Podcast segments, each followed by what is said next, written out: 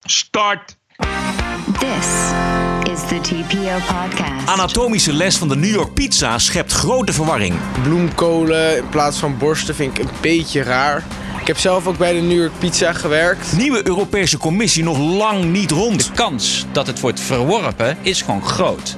En Amerika en Trump en Twitter en de vraag, de vraag der vragen. Do you see that as racist? Uh, no, I, I see that as presumably you know political hand grenades, but I wouldn't go that far. No, certainly not. Telling women of color Look, to go I- I- back to the you- country You've spent a lot of time on Twitter. I've spent a lot of time doing an actual job. Aflevering 129. Ranting and Reason. Bert Bresson, Roderick Phalo. This is the award winning TPO podcast. Op maandagavond 15 juli. Bert, Ja, how's Ja. life there? De thermometer eh, maar op, mijn, op, mijn, op mijn terrastafel gaf 37,1 aan. En dat is dan in de schaduw. Ja. Echt, Het is eigenlijk altijd hetzelfde liedje daar bij jou, hè? heel Heet. Maar echt heel heet. Ja. Echt, echt warm, jongen. Wat, poeh, man, man, man, wat warm. Echt ongelooflijk warm. Warm, jongen, warm. Gisteren was het eh, 14 juli Nationale Feestdag in eh, Frankrijk. Daar is president Macron uitgefloten. Dat is, hoor je hier. En dat is volgens mij de goal nog niet eens overkomen in 1968. Eh, bij Trump, tien dagen eerder, waren er een paar tanks en twee vliegtuigen. Te nationalistisch om uit te zenden, maar de hele dag patsen met je defensieapparaat in Parijs, dat is dan weer oké. Eerst werd hij uitgefloten in Lyon bij de finale van het damesvoetbal. En dit was zijn tweede fluitconcert in, nou pak een beet, twee weken tijd. Hij is intens populair, hè? Ja, heel populair deze man. De, de, de populairste, eh, populairste president van, eh, van de Franse Republiek ooit. Hij, hij mag blij zijn dat er geen guillotines meer zijn, als ik het zo hoor. Ja. Want dat kon dan wel eens fout aflopen in Frankrijk. Het is wel goed dat er geen NOS-verslaggevers bij zaten. Anders, anders hadden ze het weer niet gesnapt wat er aan de hand was. ja. Laten we even kijken naar de eh kalifaatvrouwen. Want daar gaat het de afgelopen eh, week eh, weer over. Als er één televisierubriek is met een lobby voor het terughalen van IS-gangers, dan is het Nieuwsuur. We hebben al heel veel zielige verhalen van IS-vrouwen gehoord. Zaterdag zat eh, uitgebreid in de uitzending de advocaat van een aantal van deze vrouwen. geestelijk beginnen ze het steeds moeilijker te krijgen. De, de uitzichtloosheid en de onzekerheid. Wat ze ook extra onzeker maakt, is dat de redenen die de Nederlandse overheid geeft om ze niet te willen ophalen, dat het te gevaarlijk zou zijn, dat dat niet de echte reden lijkt te zijn. En dat maakt het ook heel moeilijk voor hun om in te schatten wat er nou gaat gebeuren. Ja. Het argument van het kabinet eh, om de IS'ers niet op te halen is steeds dat het daar te gevaarlijk is.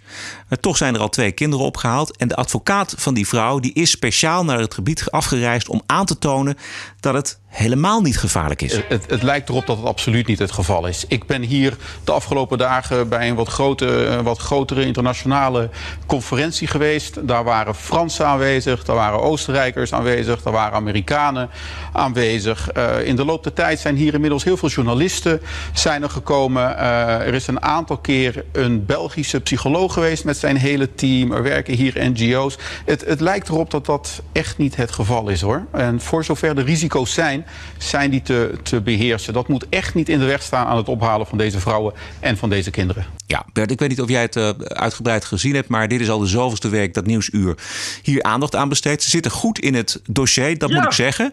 En bovendien is het ook zo dat er wel degelijk vragen worden gesteld van, eh, ja, eh, wat hebben wij eraan om deze mensen terug te halen? Is de samenleving veilig genoeg met deze mensen terug?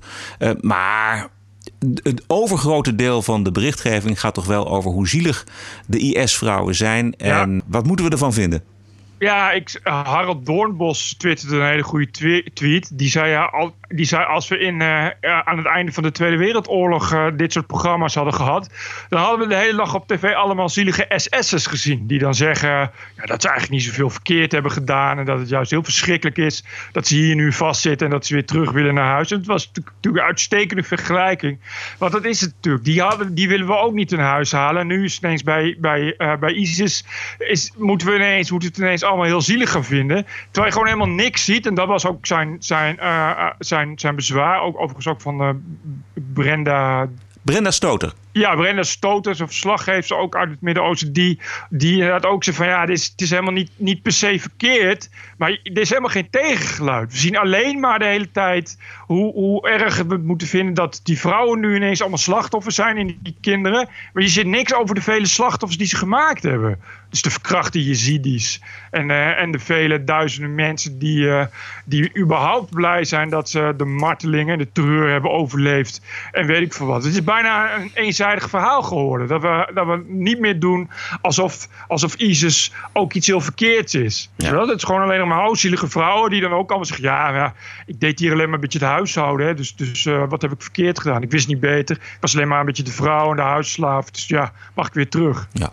Afgelopen donderdag op de website van de NOS een interview met uh, de radeloze moeder van IS-ganger Xaviera Zwagemakers. Haar dochter is in 2014 haar man achterna gereisd uh, naar het kalifaat. Liet haar zoontje achter in Apeldoorn. Werd twee jaar geleden opgepakt in Turkije. Kreeg zes jaar cel.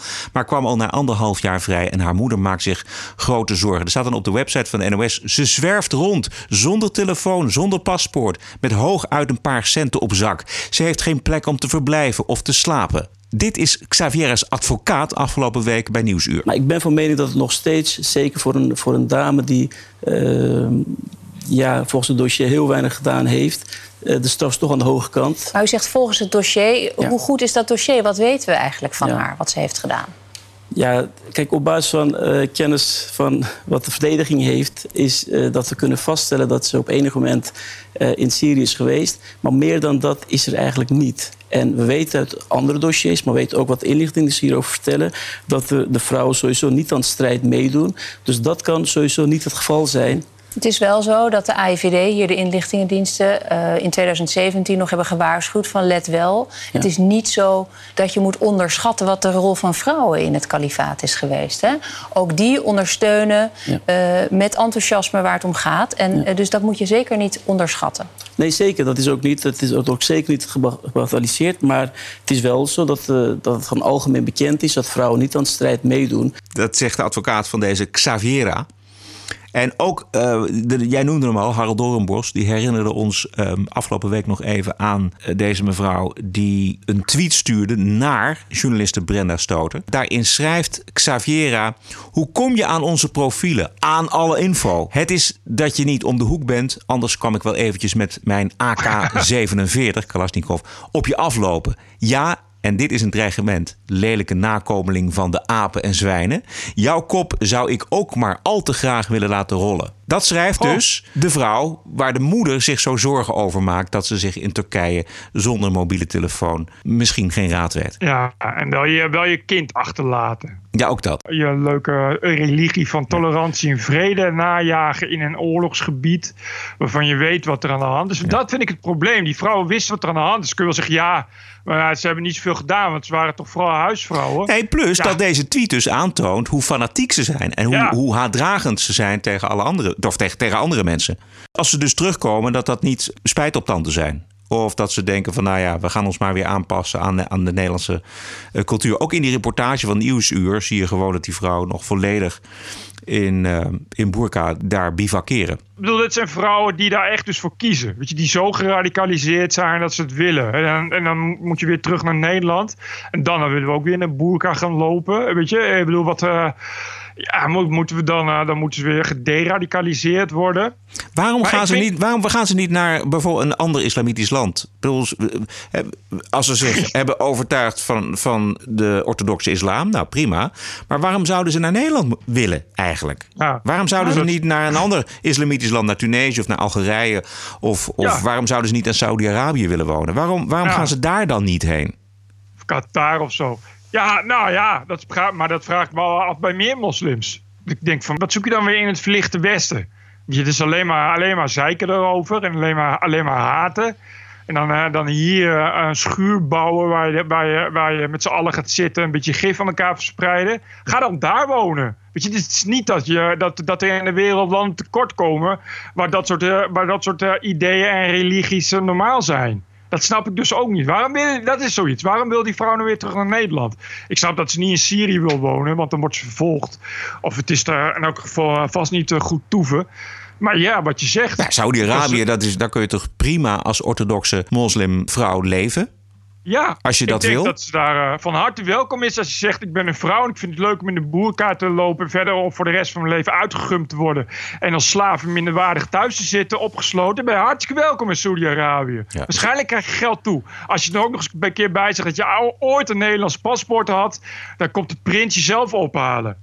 Als die je niet daarna maar dat hangt er een beetje vanaf. Misschien is dat dan de volgende vraag voor Nieuwsuur... als ze weer eens op bezoek zijn bij deze dames. Eh, waarom ze nou specifiek naar Nederland willen. Ja, ze gaan toch ook weg uit Nederland? Laten zelfs Ja. een kind achter. Zelfs een kind heeft geen, ge- geeft geen binding. Dan kan ik me niet voorstellen dat Nederland dan een binding heeft. Ga dan, blijf daar. Ik snap het inderdaad. Blijf dan daar. Je, je kan desnoods nog eh, naar Turkije. Weet je, daar is inmiddels ook genoeg eh, radicale islam, denk ik. Zometeen meer over het moeilijk eh, formeren van de Europese Commissie. Maar we gaan er eerst even uit voor de reclame.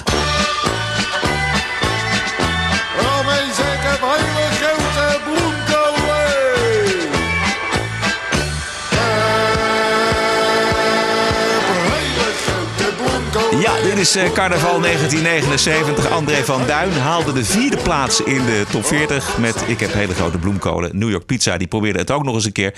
Maar dat gaat niet meer, hè Bert? Het is, e- ik, het is echt. Ik, ik heb gewoon brieven gezien in het parool van mensen die zich daar serieus semi-wetenschappelijk over opwinden. Dat New York Pizza een geinige, en ik, ik herhaal, ik benader, geinige reclamecampagne heeft die zelfs eh, in de verte, als je vanuit een soort social justice warrior mindset naar kijkt, nauwelijks seksistisch is te noemen. Maar nee, het is alweer seksistisch. Het is eigenlijk al seksistisch.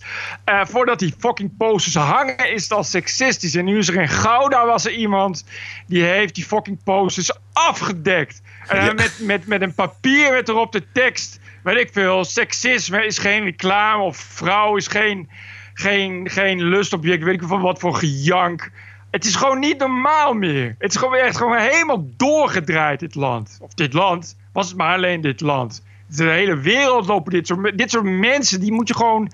Weet ik niet. Ik, ik wil gewoon. Waarom doet Nieuwsuur daar niks aan? Dat ze gewoon diegene opsporen. die in Gouda die fucking posters heeft afgeplakt. Eh, en dat ze die gewoon in beeld en die eens een keer kritisch ondervragen. Van wat, wat is er mis met je? Waar is het misgegaan in je leven? Hoezo heb je zo weinig te doen in je leven? Heb je geen werk of zo? Ga iets leuks doen. Dus je bemoei je eens een niet met wat er, wat er in, de, in de hell, fucking hell, in de bushokjes hangt. Dat heet reclame. Weet je, het is gewoon creativiteit. En eh, dan krijg je iets als zo'n burgemeester van Londen, die Sadiq Khan. Londen gaat het sowieso overigens, wil ik even benadrukken, fantastisch. Want er wordt helemaal niemand vermoord met een mes per dag. Dan krijg je in het fantastische Londen van Sadiq Khan, daar zijn dit soort posters gewoon al verboden. Want seksisme. Weet je, dat is gewoon, dat is gewoon censuur van vrijheid van expressie. Daar komt het gewoon op neer. Want ik ken reclamemakers. En reclamemakers zijn gewoon mensen met leuke ideeën die daar hun best voor doen. Weet je, die daar, dat, dat is gewoon kunst. Alleen zijn dat mensen die kunst maken waar ze zich heel veel voor laten betalen. Dus die hebben geen subsidie nodig. Dit zijn kunstenaars die het wel hebben begrepen. Die maken reclame. Dat wordt maar wacht even, ik, ik ga je toch even onderbreken, Bert. Want de vraag is of New York Pizza zich laat intimideren. Is dat zo?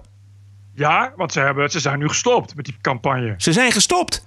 Ja, dat is het hele punt. Is weer een bedrijf dat, dat op de knietjes gaat. En dat de, dat de eigen ruggengraat met een bel heeft doorgeslagen. En diep in het stof buitelt. En oh, sorry, sorry, sorry zegt.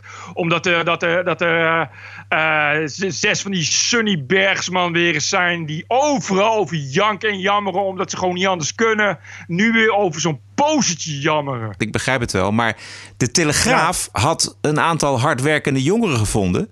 die dit ook heel hoog opnemen. Ik heb er best wel een beetje problemen mee, omdat ik het toch zo vind. Bloemkolen in plaats van borsten vind ik een beetje raar. Ik heb zelf ook bij de New York Pizza gewerkt. En eigenlijk vanwege de posters ook wel dacht ik gewoon... Ja, dit zijn gewoon onderdelen die eigenlijk een beetje vrouwontvriendelijk zijn van New York Pizza. En gewoon onnodig. Ja, Nou hoor je het is voor een ander. Tering, wat een spijtknor. Godverdomme, dan woon je in het gooi. En dan word je, denk je dat je een beetje fatsoenlijk wordt opgevoed. En dan krijg je zo'n een of andere knotmans die uit principe zittend pist. En wel bij de New York Pizza hebben gewerkt. Gaat toch weg, man. Maar jullie hebben dus zien- ontslag genomen vanwege die poster eigenlijk. Ja, nou, ik vond het erg vrouwonvriendelijk. Ja, eigenlijk wel. Ja, mijn baas zei eerst van ja, je kan niet zomaar ontslag nemen. En toen zei ik van ja, maar ik ga niet werken voor zo'n bedrijf. Dat vind ik gewoon onacceptabel eigenlijk. En trouwens ook die, die pizza's met die bloemkool zijn echt niet te vreten. Nou, dat laatste kan ik inkomen. Ja, dat laatste is dan weer wel leuk.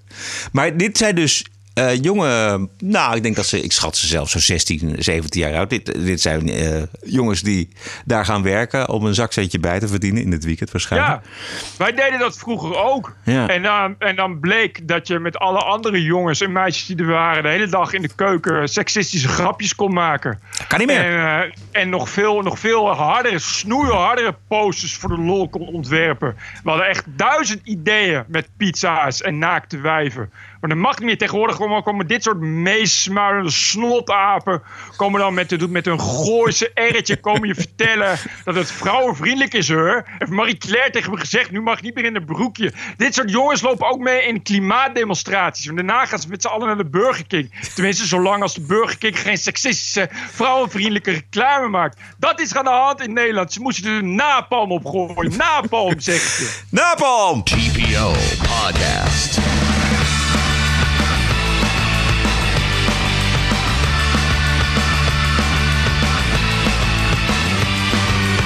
Ranting and Reason.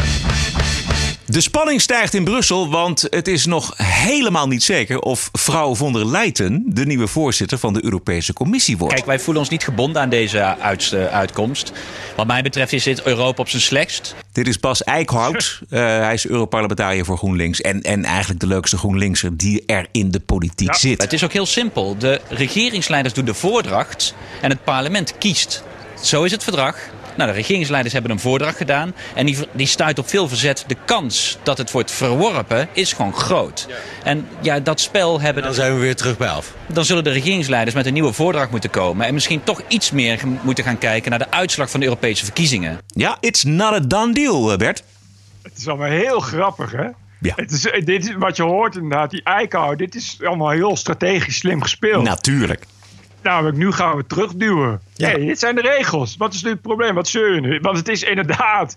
De idee was... Wat is, hoe heet ze? Die Leijten van Leijten. Die, die, Ja, vrouw van der Leyen.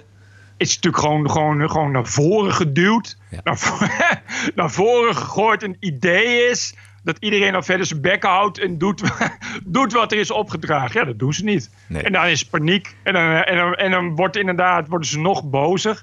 Want het gaat al, het gaat al zo slecht met, met, telkens met het benoemen van die commissies en die voordragen. En die spitsenkandidaten werkten ook niet. Dus ja, misschien eh, zit er nu weer een kansje in voor, eh, voor eh, Brusselmans. Of hoe heet die? Ja, Timmermans? zeker Timmermans. Nee, want het is heel, heel duidelijk dat links zich profileert tegen von der Leyen.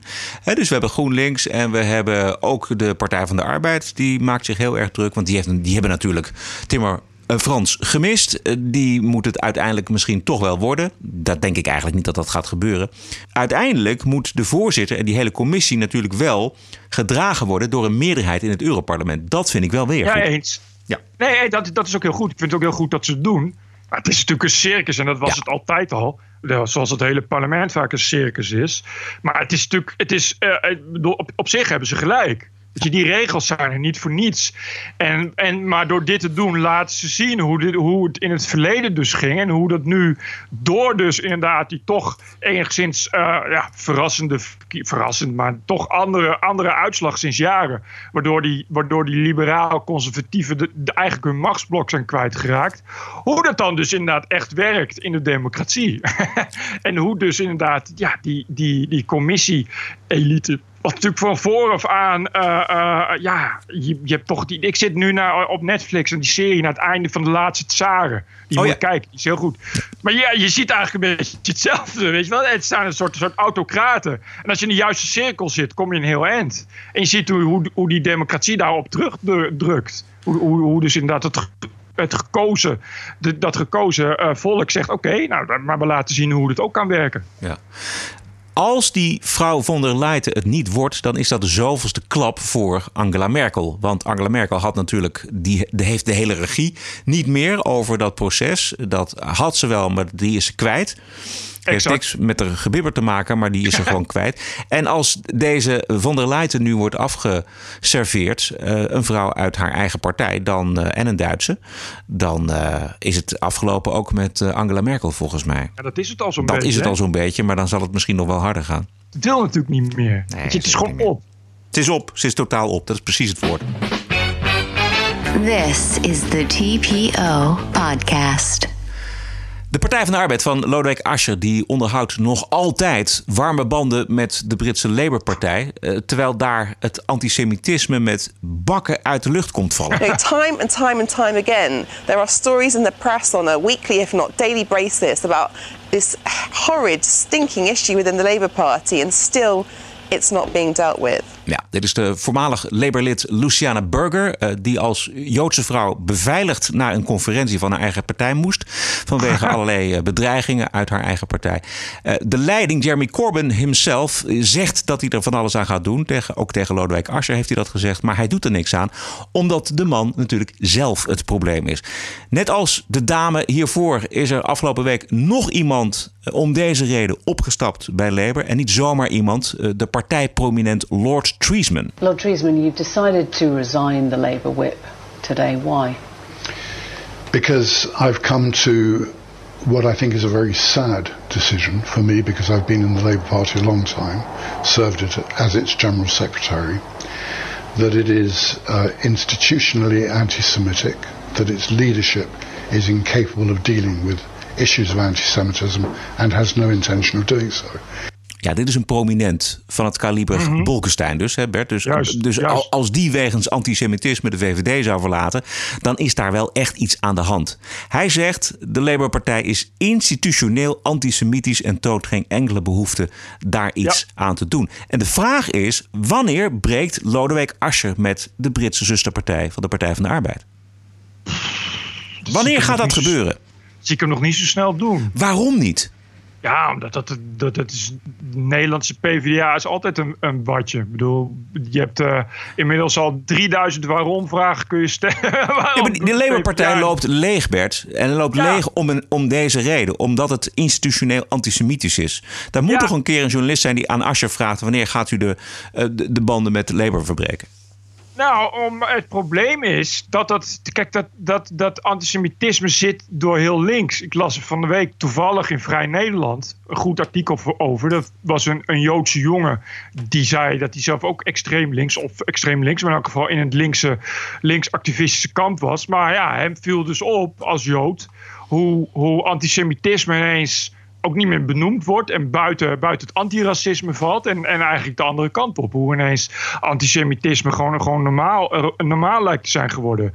En dat is, dat is eh, in heel, heel, eh, eh, heel links breed komt dit nu voor en is het ook, ook genormaliseerd. Zeker vanwege dus Palestina-Israël, wa- waardoor het, waardoor het eh, allemaal eh, nog erger is geworden. Ja. Dus, dus Asscher zal daar heel veel moeite mee hebben. Als hij dat al, al zou willen, heeft hij daar een probleem mee. Omdat heel veel mensen zeggen van ja, maar ja, wij zien het niet als antisemitisme. Bij links is het, heel, is het nog steeds heel lastig en ligt nog steeds heel gevoelig. Ook omdat voor een gedeelte natuurlijk het antisemitisme eh, komt uit, uit het islamkamp, uit het Palestina-kamp, uit het pro-Palestina-kamp, uit het anti-Israël-kamp. Ja, het is, een- het is een hele giftige combinatie van de extreem linkse figuren als, als in Engeland dan Ken Livingstone en Jeremy Corbyn. En het anti-Joodse sentiment onder moslims in Labour. Jij had een, een stuk gelezen in, in De Groene over van een jongen die openheid van Vrij zaken Nederland. over heeft Vrij Nederland. Oké. Afgelopen weekend belde er een voormalig lid van de radicaal linkse tak van Labour naar de radioshow van eh, Majid Nawaz op LBC. I was a member of the radical left for many years, and I was very, uh, very active in that uh, leadership uh, circle. I traveled to three different continents for the cause, and I can tell you from my previous experience, what goes on behind closed doors is far worse, far worse in those circles than anything that has come out. What we say, well, what me and my former comrades used to say behind closed doors about Jews, we made no distinction between Jews or Zionists. These are all, they, they were even, um, you know, training of how we should communicate outwards when we made th- those differences. That make sure you talk about Zionists when you're speaking to the outsiders, but within closed doors, we all knew that this is all about the Jews. Juist. Bij extreem links gaat het er met de paplepel in. Deze jongen noemt ook nog een boek, uh, On the Jewish Question, van Karl Marx, notabene. Uh, uit 1843, waarin in het tweede hoofdstuk um, vertelt deze jongen een uitleg wordt gegeven van wat er allemaal mis is in de wereld, uh, waarin de Joden symbool staan voor het kapitalisme. Het komt natuurlijk telkens er weer in terug. Het blijft natuurlijk, hè, de bankenwereld is natuurlijk weer Joods. Het, en Israël is natuurlijk, de welvarende natie die, die de, de, de armoedige, zielige uh, uh, Palestijnen onderdrukt. Weet je, het rijke West, want het is natuurlijk een strijd tegen kapitalisme, is natuurlijk, ook Joods, is, is één met Israël, is één met de Joden. Daar komt dat vandaan. En uh, ja, het is eigenlijk weer precies hetzelfde als dat het ooit was. Het good old antisemitisme.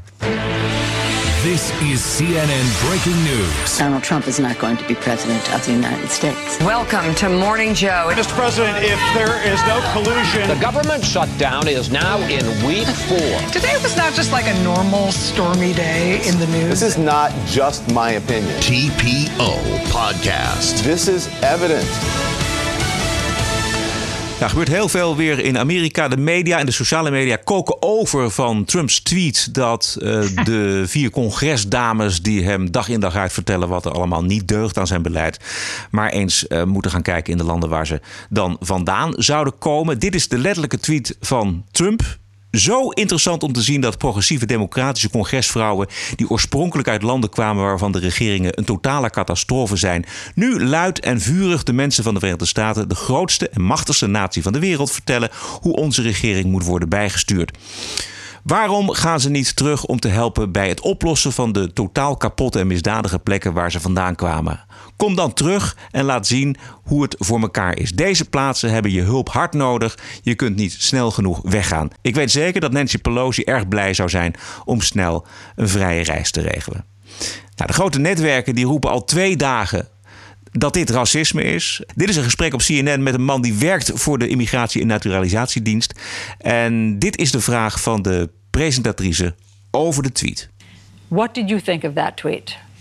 Uh, well, I didn't see that tweet actually. Uh, I can hear what you're reading, but uh, I've spent the weekend reading litigation and, and regulatory materials related to asylum. So sure, but now that you've heard it, what do you, you think know, of it? I, I, uh, I, I don't, I don't.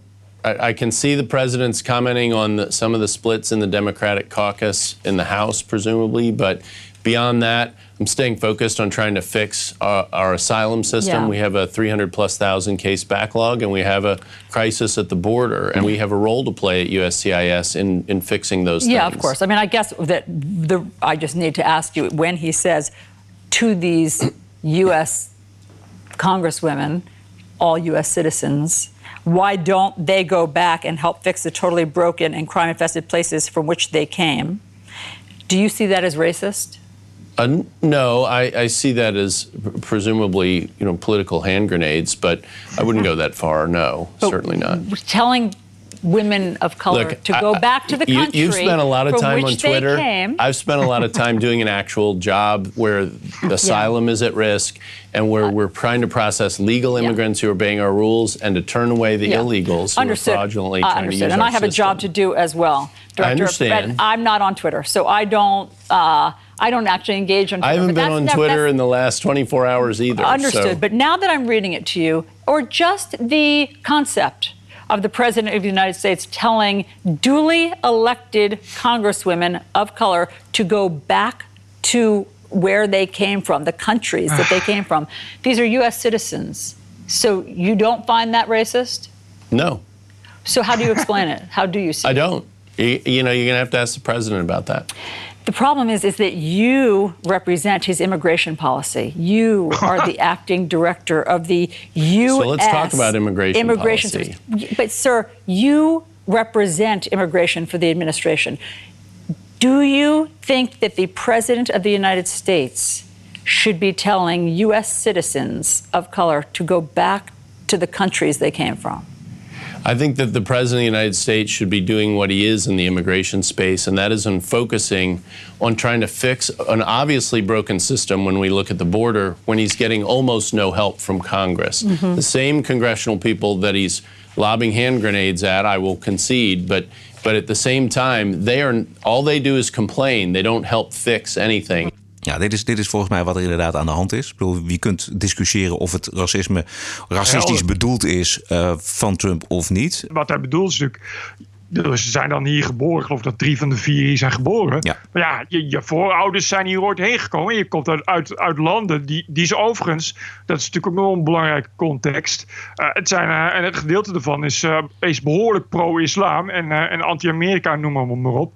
Dus ja, wat hij dus zegt is van... Ja, weet je, je komt, oorspronkelijk zijn jullie ook hierheen gekomen. En dan kom je hier een beetje zeiken. Terwijl de reden waarom je hierheen kwam... is dat in het land waar, waar, waar, je, waar, je, waar je ouders vandaan komen... of je, of je grootouders... is het niet zo best. Misschien moet je daar dan eens eh, gaan laten zien hoe het moet. Want kennelijk eh, kom je dat dan wel hier doen. Maar, dus...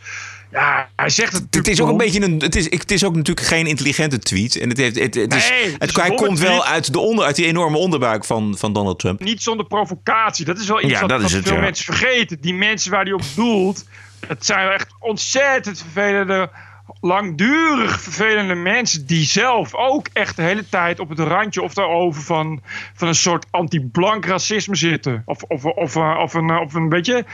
Dus ja, laten we nou niet doen alsof dat allemaal dan wel koekenij is. Dus, dan krijg je dat hij boos wordt en reageert. Maar ik ben het met je eens dat het een domme tweet is. Uh, Het is natuurlijk onhandig. En hij zegt nu inderdaad van ja, ik, ik, bedoelde alleen maar, ik bedoelde alleen maar te zeggen dat als het ze niet bevalt, dan moet ze vooral ergens heen gaan eh, waar, ze, waar, ze, waar ze het beter kunnen maken. Omdat ze zelf zeggen dat ze dat kunnen. Omdat ze het uit mij lastigvallen dat ik het niet kan. Ja. Maar, nee, natuurlijk is het een onhandige tweet. Dat, dat is natuurlijk, maar er is niemand die daaraan twijfelt, denk ik. Hij gaat echt de discussie aan op, op Twitter. Nou, iedereen die een beetje Twitter kent, die weet dat je niet in discussie moet gaan op Twitter. Dus hij, ja, hij laat zich ook grijpen eh, bij zijn ballen, weet je wel. Hij, het, het is. Exact. Waarom? Ja, het is gewoon, dat, is gewoon, dat is gewoon een domme. Ja. Het is terug. Het is ook, ik vind ook erg nog steeds dat hij gewoon moet ophouden met Twitter. Ja. Eh, en, en of, of, of eh, ja, hij communiceert natuurlijk via Twitter. Dat is wel, ik bedoel, het is natuurlijk zijn platform. Maar ja, dan moet, hij moet daar iemand tussen zetten. Hij moet niet zijn frustratie gaan uiten op Twitter. Dat is echt vragen om ellende. Het probleem is dat je, dat, dat, dat je, dat je ja, ik heb dat zelf eh, ook al eh, lang genoeg ondervonden, dat je op Twitter dat niet overziet en dat je dat erop zet. En pas daarna denk je erover na. Nou, kijk, als er nou iemand is die dan zegt, nou, ik weet niet, Trump, misschien, ik zou niet, ik zou niet twitteren, ga terug naar je eigen land. Ik zou twitteren, ga dan naar die landen waar- waar- waar- waarvan je denkt eh, dat ze daar hulp nodig hebben, of, of iets dergelijks. Weet je, dus dat iemand even die angel eruit haalt. Ja, iedereen heeft. Ik heb dat ook wel eens. Ik schreef, ook, ik, schreef laatst ook een column. Dat liet ik aan iemand lezen. Iemand zei: ik zou, niet, ik zou niet. Als je het zo neerzet. Ik begrijp wat je bedoelt. Maar mensen vatten het dan anders op. Weet je wel? Dus, dus dan, dan heb je één, één zin plaats je anders. En is het alweer heel anders. Omdat je soms zelf niet ziet. Ja. hoe, hoe, hoe dat dan uitkomt. En ja, en als je dan president van de Verenigde Staten bent. is het misschien wel handig. TPO Podcast. Emotionele hoorzitting in het Amerikaanse congres over immigratie en de grens met Mexico. Er zijn allerlei parallellen te trekken met de buitengrens van Europa en de illegale immigratie die wij meemaken. Dat- Misschien zo meteen, maar eerst even Amerika. De Democraten die dachten er ooit hetzelfde over als Donald Trump. U hoort achtereenvolgens Chuck Schumer, Barack Obama, Bernie Sanders, Bill Clinton en Hillary Clinton. Illegal immigration is wrong, plain and simple.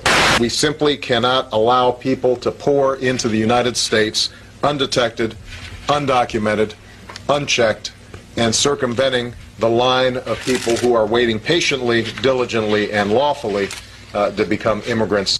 I believe we have very serious immigration problems uh, in this country. I think, as you've heard today, sanctions against employers who hire illegal immigrants is virtually non existent. Our border is very porous. It is wrong and ultimately self defeating for a nation of immigrants to permit the kind of abuse of our immigration laws we have seen in recent years, and we must do more to stop it. Well, look, I voted uh, uh, numerous times when I was a senator to spend money to build a, uh, a barrier to try to prevent um, illegal immigrants from coming in. Um, and I do think you have to control your borders. Maar dat is allemaal veranderd omdat Donald Trump dit nu ook allemaal wil. En Donald Trump is het grootste kwaad in de wereld. En dus waren alle problemen opeens verzonnen door Trump. We have a president who will go on TV tonight and lie and lie and lie some more. This is a manufactured crisis. You know, there's something manufactured about this. Yeah. Uh, there's no crisis. It's a manufactured crisis. This is a manufactured crisis. Ja, een zelfgemaakte crisis. Nou, inmiddels zijn er democratische congresleden gaan kijken. En die hebben gezien dat de opvangcentra overvol zitten. En dat er een groot probleem is aan die grens. Meest spectaculair was de ondervraging van uh, Thomas Homan. Uh, dat is de voormalige directeur van ICE. Dat is de Immigratie- en Douanepolitie. Ik heb twee scènes, uh, Bert. De eerste is de ondervraging door de democraat Garcia. Die van mm -hmm. Homan een racistisch monster probeert te maken. Mr. Homan, I'm a father. Do you have children? How can you possibly allow this to happen under your watch? Do you not care? Is it because these children don't look like children that are around you? I don't get it. Have you ever held a deceased child in your arms? Ja, bent u zo ongevoelig omdat het kinderen zijn met een andere huidskleur? En dit is Homans antwoord. First of all, your comments are disgusting. I've served my I country. find your I've served my country. I've served my well, country sir. for 34 I find, years. I find your this is this is out of control. as well. I've served my country for 34 years, and yes, I held a five-year-old boy in my arms. That in back of that tractor trailer, I knelt down beside him and said a prayer for him because I knew what his last 30 minutes of his life were like, and I had a five-year-old son at the time. What I've been trying to do my 34 years serving my nation is to save lives. So for you to sit there and insult my integrity and my love for my country and for the and for children, that's why this whole thing needs to be fixed. And you're the member We of Congress. agree on that. Fix it. Het punt is natuurlijk dat er eindeloos wordt uh, gedebatteerd over hoe ernstig die omstandigheden zijn in die opvangcentra.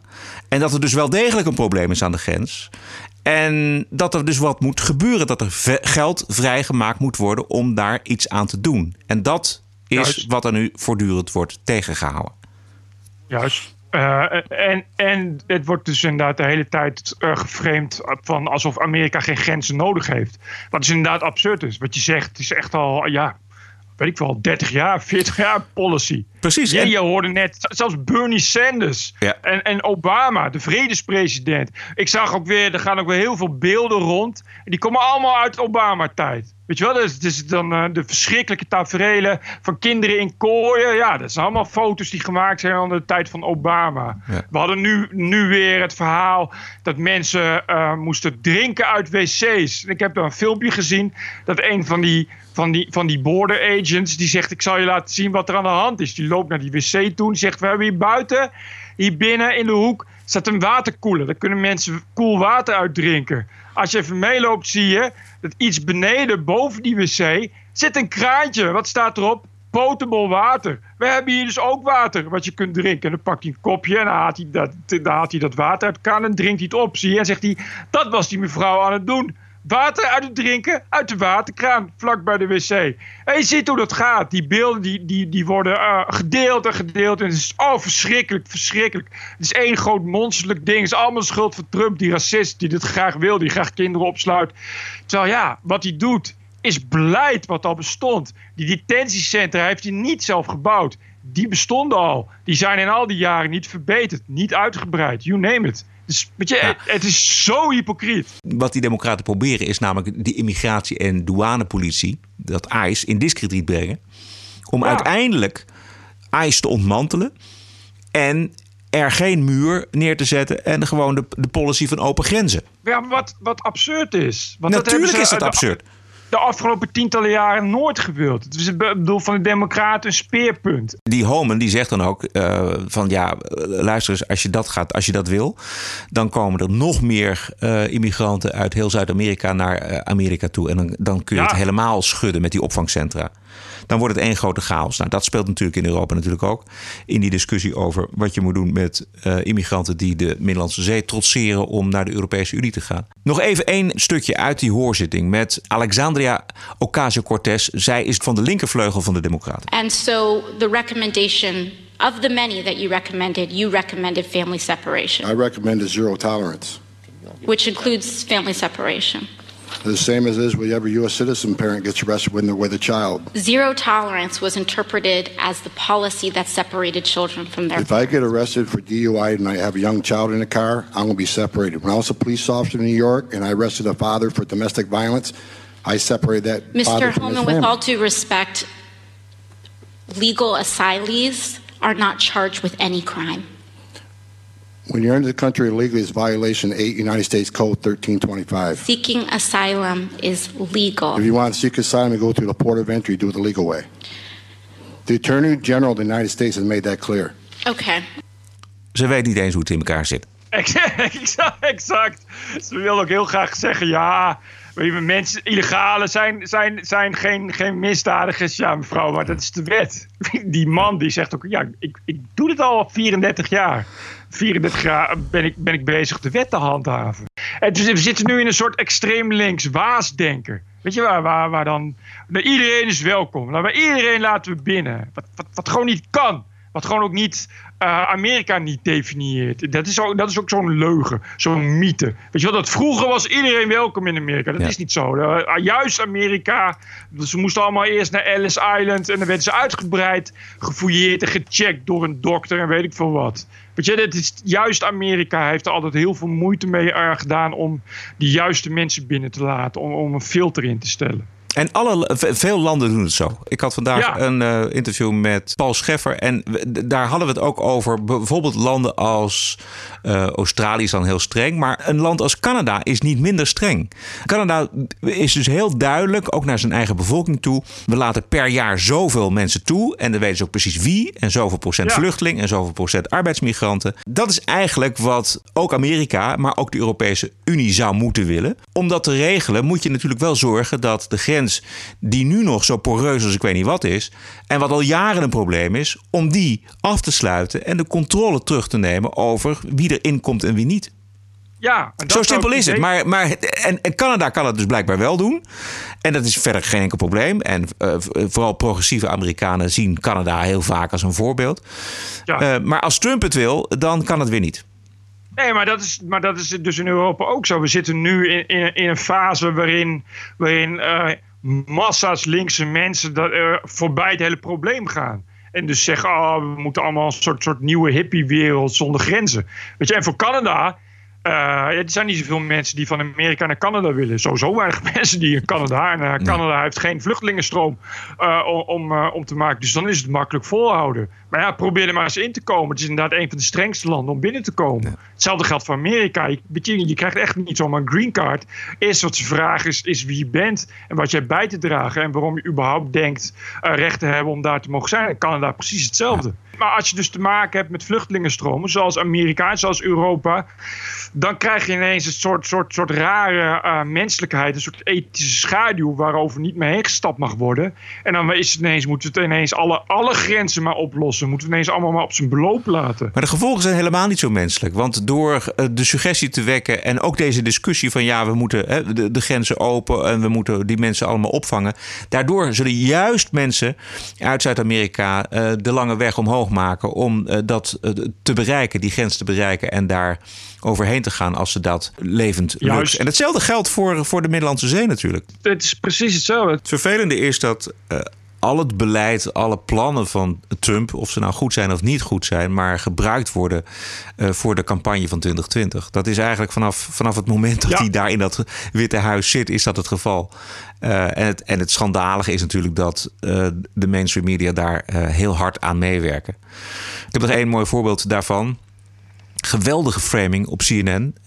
Daar zat zoals ze overal was, eh, de co-captain van het Amerikaanse damesvoetbalteam. Waar het in dit fragment om gaat is eh, Trumps slogan Make America Great Again. We need to have um, a reckoning with um, the message that you have and what you're saying about make America great again. Um, I think that you're harking back to an era that was not great for everyone. It might have been great for a few people, and maybe America is great for a few people right now, but it's not great for enough Americans in this world. And I think that we have a responsibility, each and every one of us. You have an incredible responsibility as, you know, the chief of this country um, to take care of every single person, and you need to do better for everyone. Ja, ze zegt dus letterlijk: we moeten afrekenen met de slogan Make Ja. America Great Again. Want, Reckoning. Ja, afwijzen, afrekenen. Want eh, je verwijst naar een periode met die slogan die helemaal niet goed was voor alle Amerikanen. Maar weten wij naar welke periode Trump verwijst? Als hij al naar een periode verwijst, wat hij volgens mij niet doet. Hij verwijst namelijk naar een staat waarin het land verkeert. Dan heeft hij het over de jaren 80 van Reagan. Heeft hij het over de jaren 60 van Kennedy bijvoorbeeld. Maar Anderson Cooper van CNN die gaat daar heel gretig op in. Geweldige journalist natuurlijk. Die erg van de feiten houdt. En die denkt, weet je wat, laten we de jaren 40, 50 pakken. The idea of Make America Great Again, if it means going back to an America from the 40s or 50s, uh, that's an America where you could be imprisoned uh, for being gay, where you could be sent by your family to a, a mental hospital, where you could not walk down the street uh, holding hands with your loved one, or I could not walk down the street or go dancing or, or anything. It's it's interesting how different people view things through a very personal lens, um, and and as you said, maybe don't walk in the shoes of other people who you know did not have rights in Mhm. a, a past halcyon America. Yeah, it, it was um, not a great place for a lot of people. It was a very oppressive place. Dus we zitten opeens in de jaren 40, 50. Waarin homo's en lesbo's gearresteerd kunnen worden. Hoe komen we hier terecht? Ja!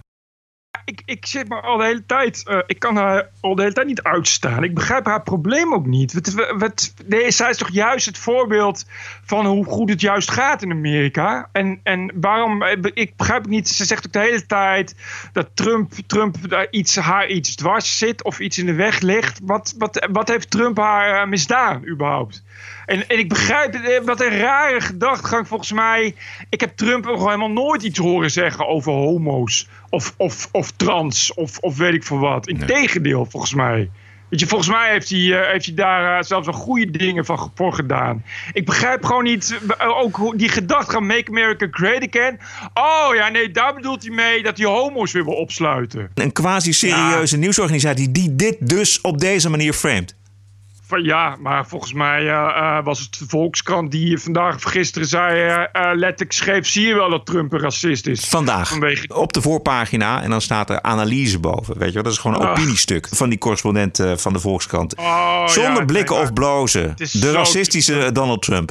Oh man, houd op. Maar daar is, ik vind een beetje racisme is nog, nog, nog heel veel over te zeggen in Amerika. Maar ik begrijp dit. Ik begrijp ook die, die, die voetbalmevrouw. Ik begrijp haar probleem niet. Ze heeft van het begin af aan heeft ze ook geweigerd naar Trump en weet ik van wat. En dan denk ik van wat, maar wat heeft Trump je misdaan dan? Ja, dan, niet dat, dat- weet ik ook niet. Maar goed, dat is, dat is dan nog haar beslissing. Maar wat ik zelf, zij mag dat allemaal vinden wat mij betreft. Maar wat ik echt eh, heel storend vind, is dat de media. Zij, ha- op het moment dat ze het had gezegd, was ze de heldin van de mainstream media. En werd ze overal uitgenodigd. En je zag natuurlijk dat ze, zeker toen ze gewonnen hadden. Precies, maar ook als ze niet precies. gewonnen hadden, was ze gewoon overal. Zat ze overal bij MSNBC, bij ABC, bij CNN. Ze mag overal haar verhaal doen. Omdat ze past perfect in het anti-Trump Juist. verhaal. Juist. Ja, als je, dit is precies. Als je maar genoeg deugt op de juiste manier. En in Nederland gaat dat hetzelfde natuurlijk. Ja. Weet je, het is, als je maar genoeg deugt. En dan op de juiste manier tegen de juiste mensen bent. Want die zijn fout. Weet je, dan ben je, dan ben je overal welkom. Gaan we nog eh, eh, vrolijk eindigen of eh, doen we dat niet?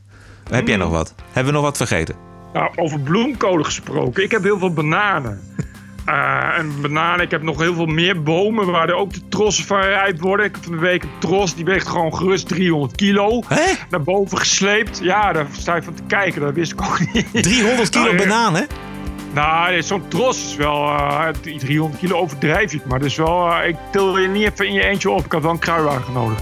Dus die leg ik dan hier zo'n beetje in de schaduw om te rijpen. Maar nu rijpt het allemaal als een dolle. Dus ik heb eh, bananen. Als iemand nog bananen wil en je bent in de buurt, dan moet je even langskomen. Laat, laten we, kunnen we niet wat bananen geven aan mensen die een leuk bedrag doneren aan de TPO-podcast? Nou, ik ga geen bananen verzen- verzenden. Waarom niet? Eh, nou, dat lijkt me geen... eh, geen dat mag niet eens. Oh, nee. mag hier geen, geen, eh, geen bananen exporteren. Nee. Eh, neem dit trouwens niet weg dat we donaties van harte welkom heten. Tot zover deze aflevering, nummer 129. Als u dit dus een leuk geluid vindt of een belangrijk geluid... of u gunt ons een donatie... kijk op tpo.nl slash podcast. Daar vindt u de mogelijkheden om iets te doneren. Wij zijn terug dinsdag 23 juli. Heb een mooie week en tot dinsdag. Heb een mooie week en tot dinsdag. Weet je niks origineels te bedenken, Bert? Oh, sorry. TPO Podcast. Bert Bruson, Roderick Balo, Ranting and Reason.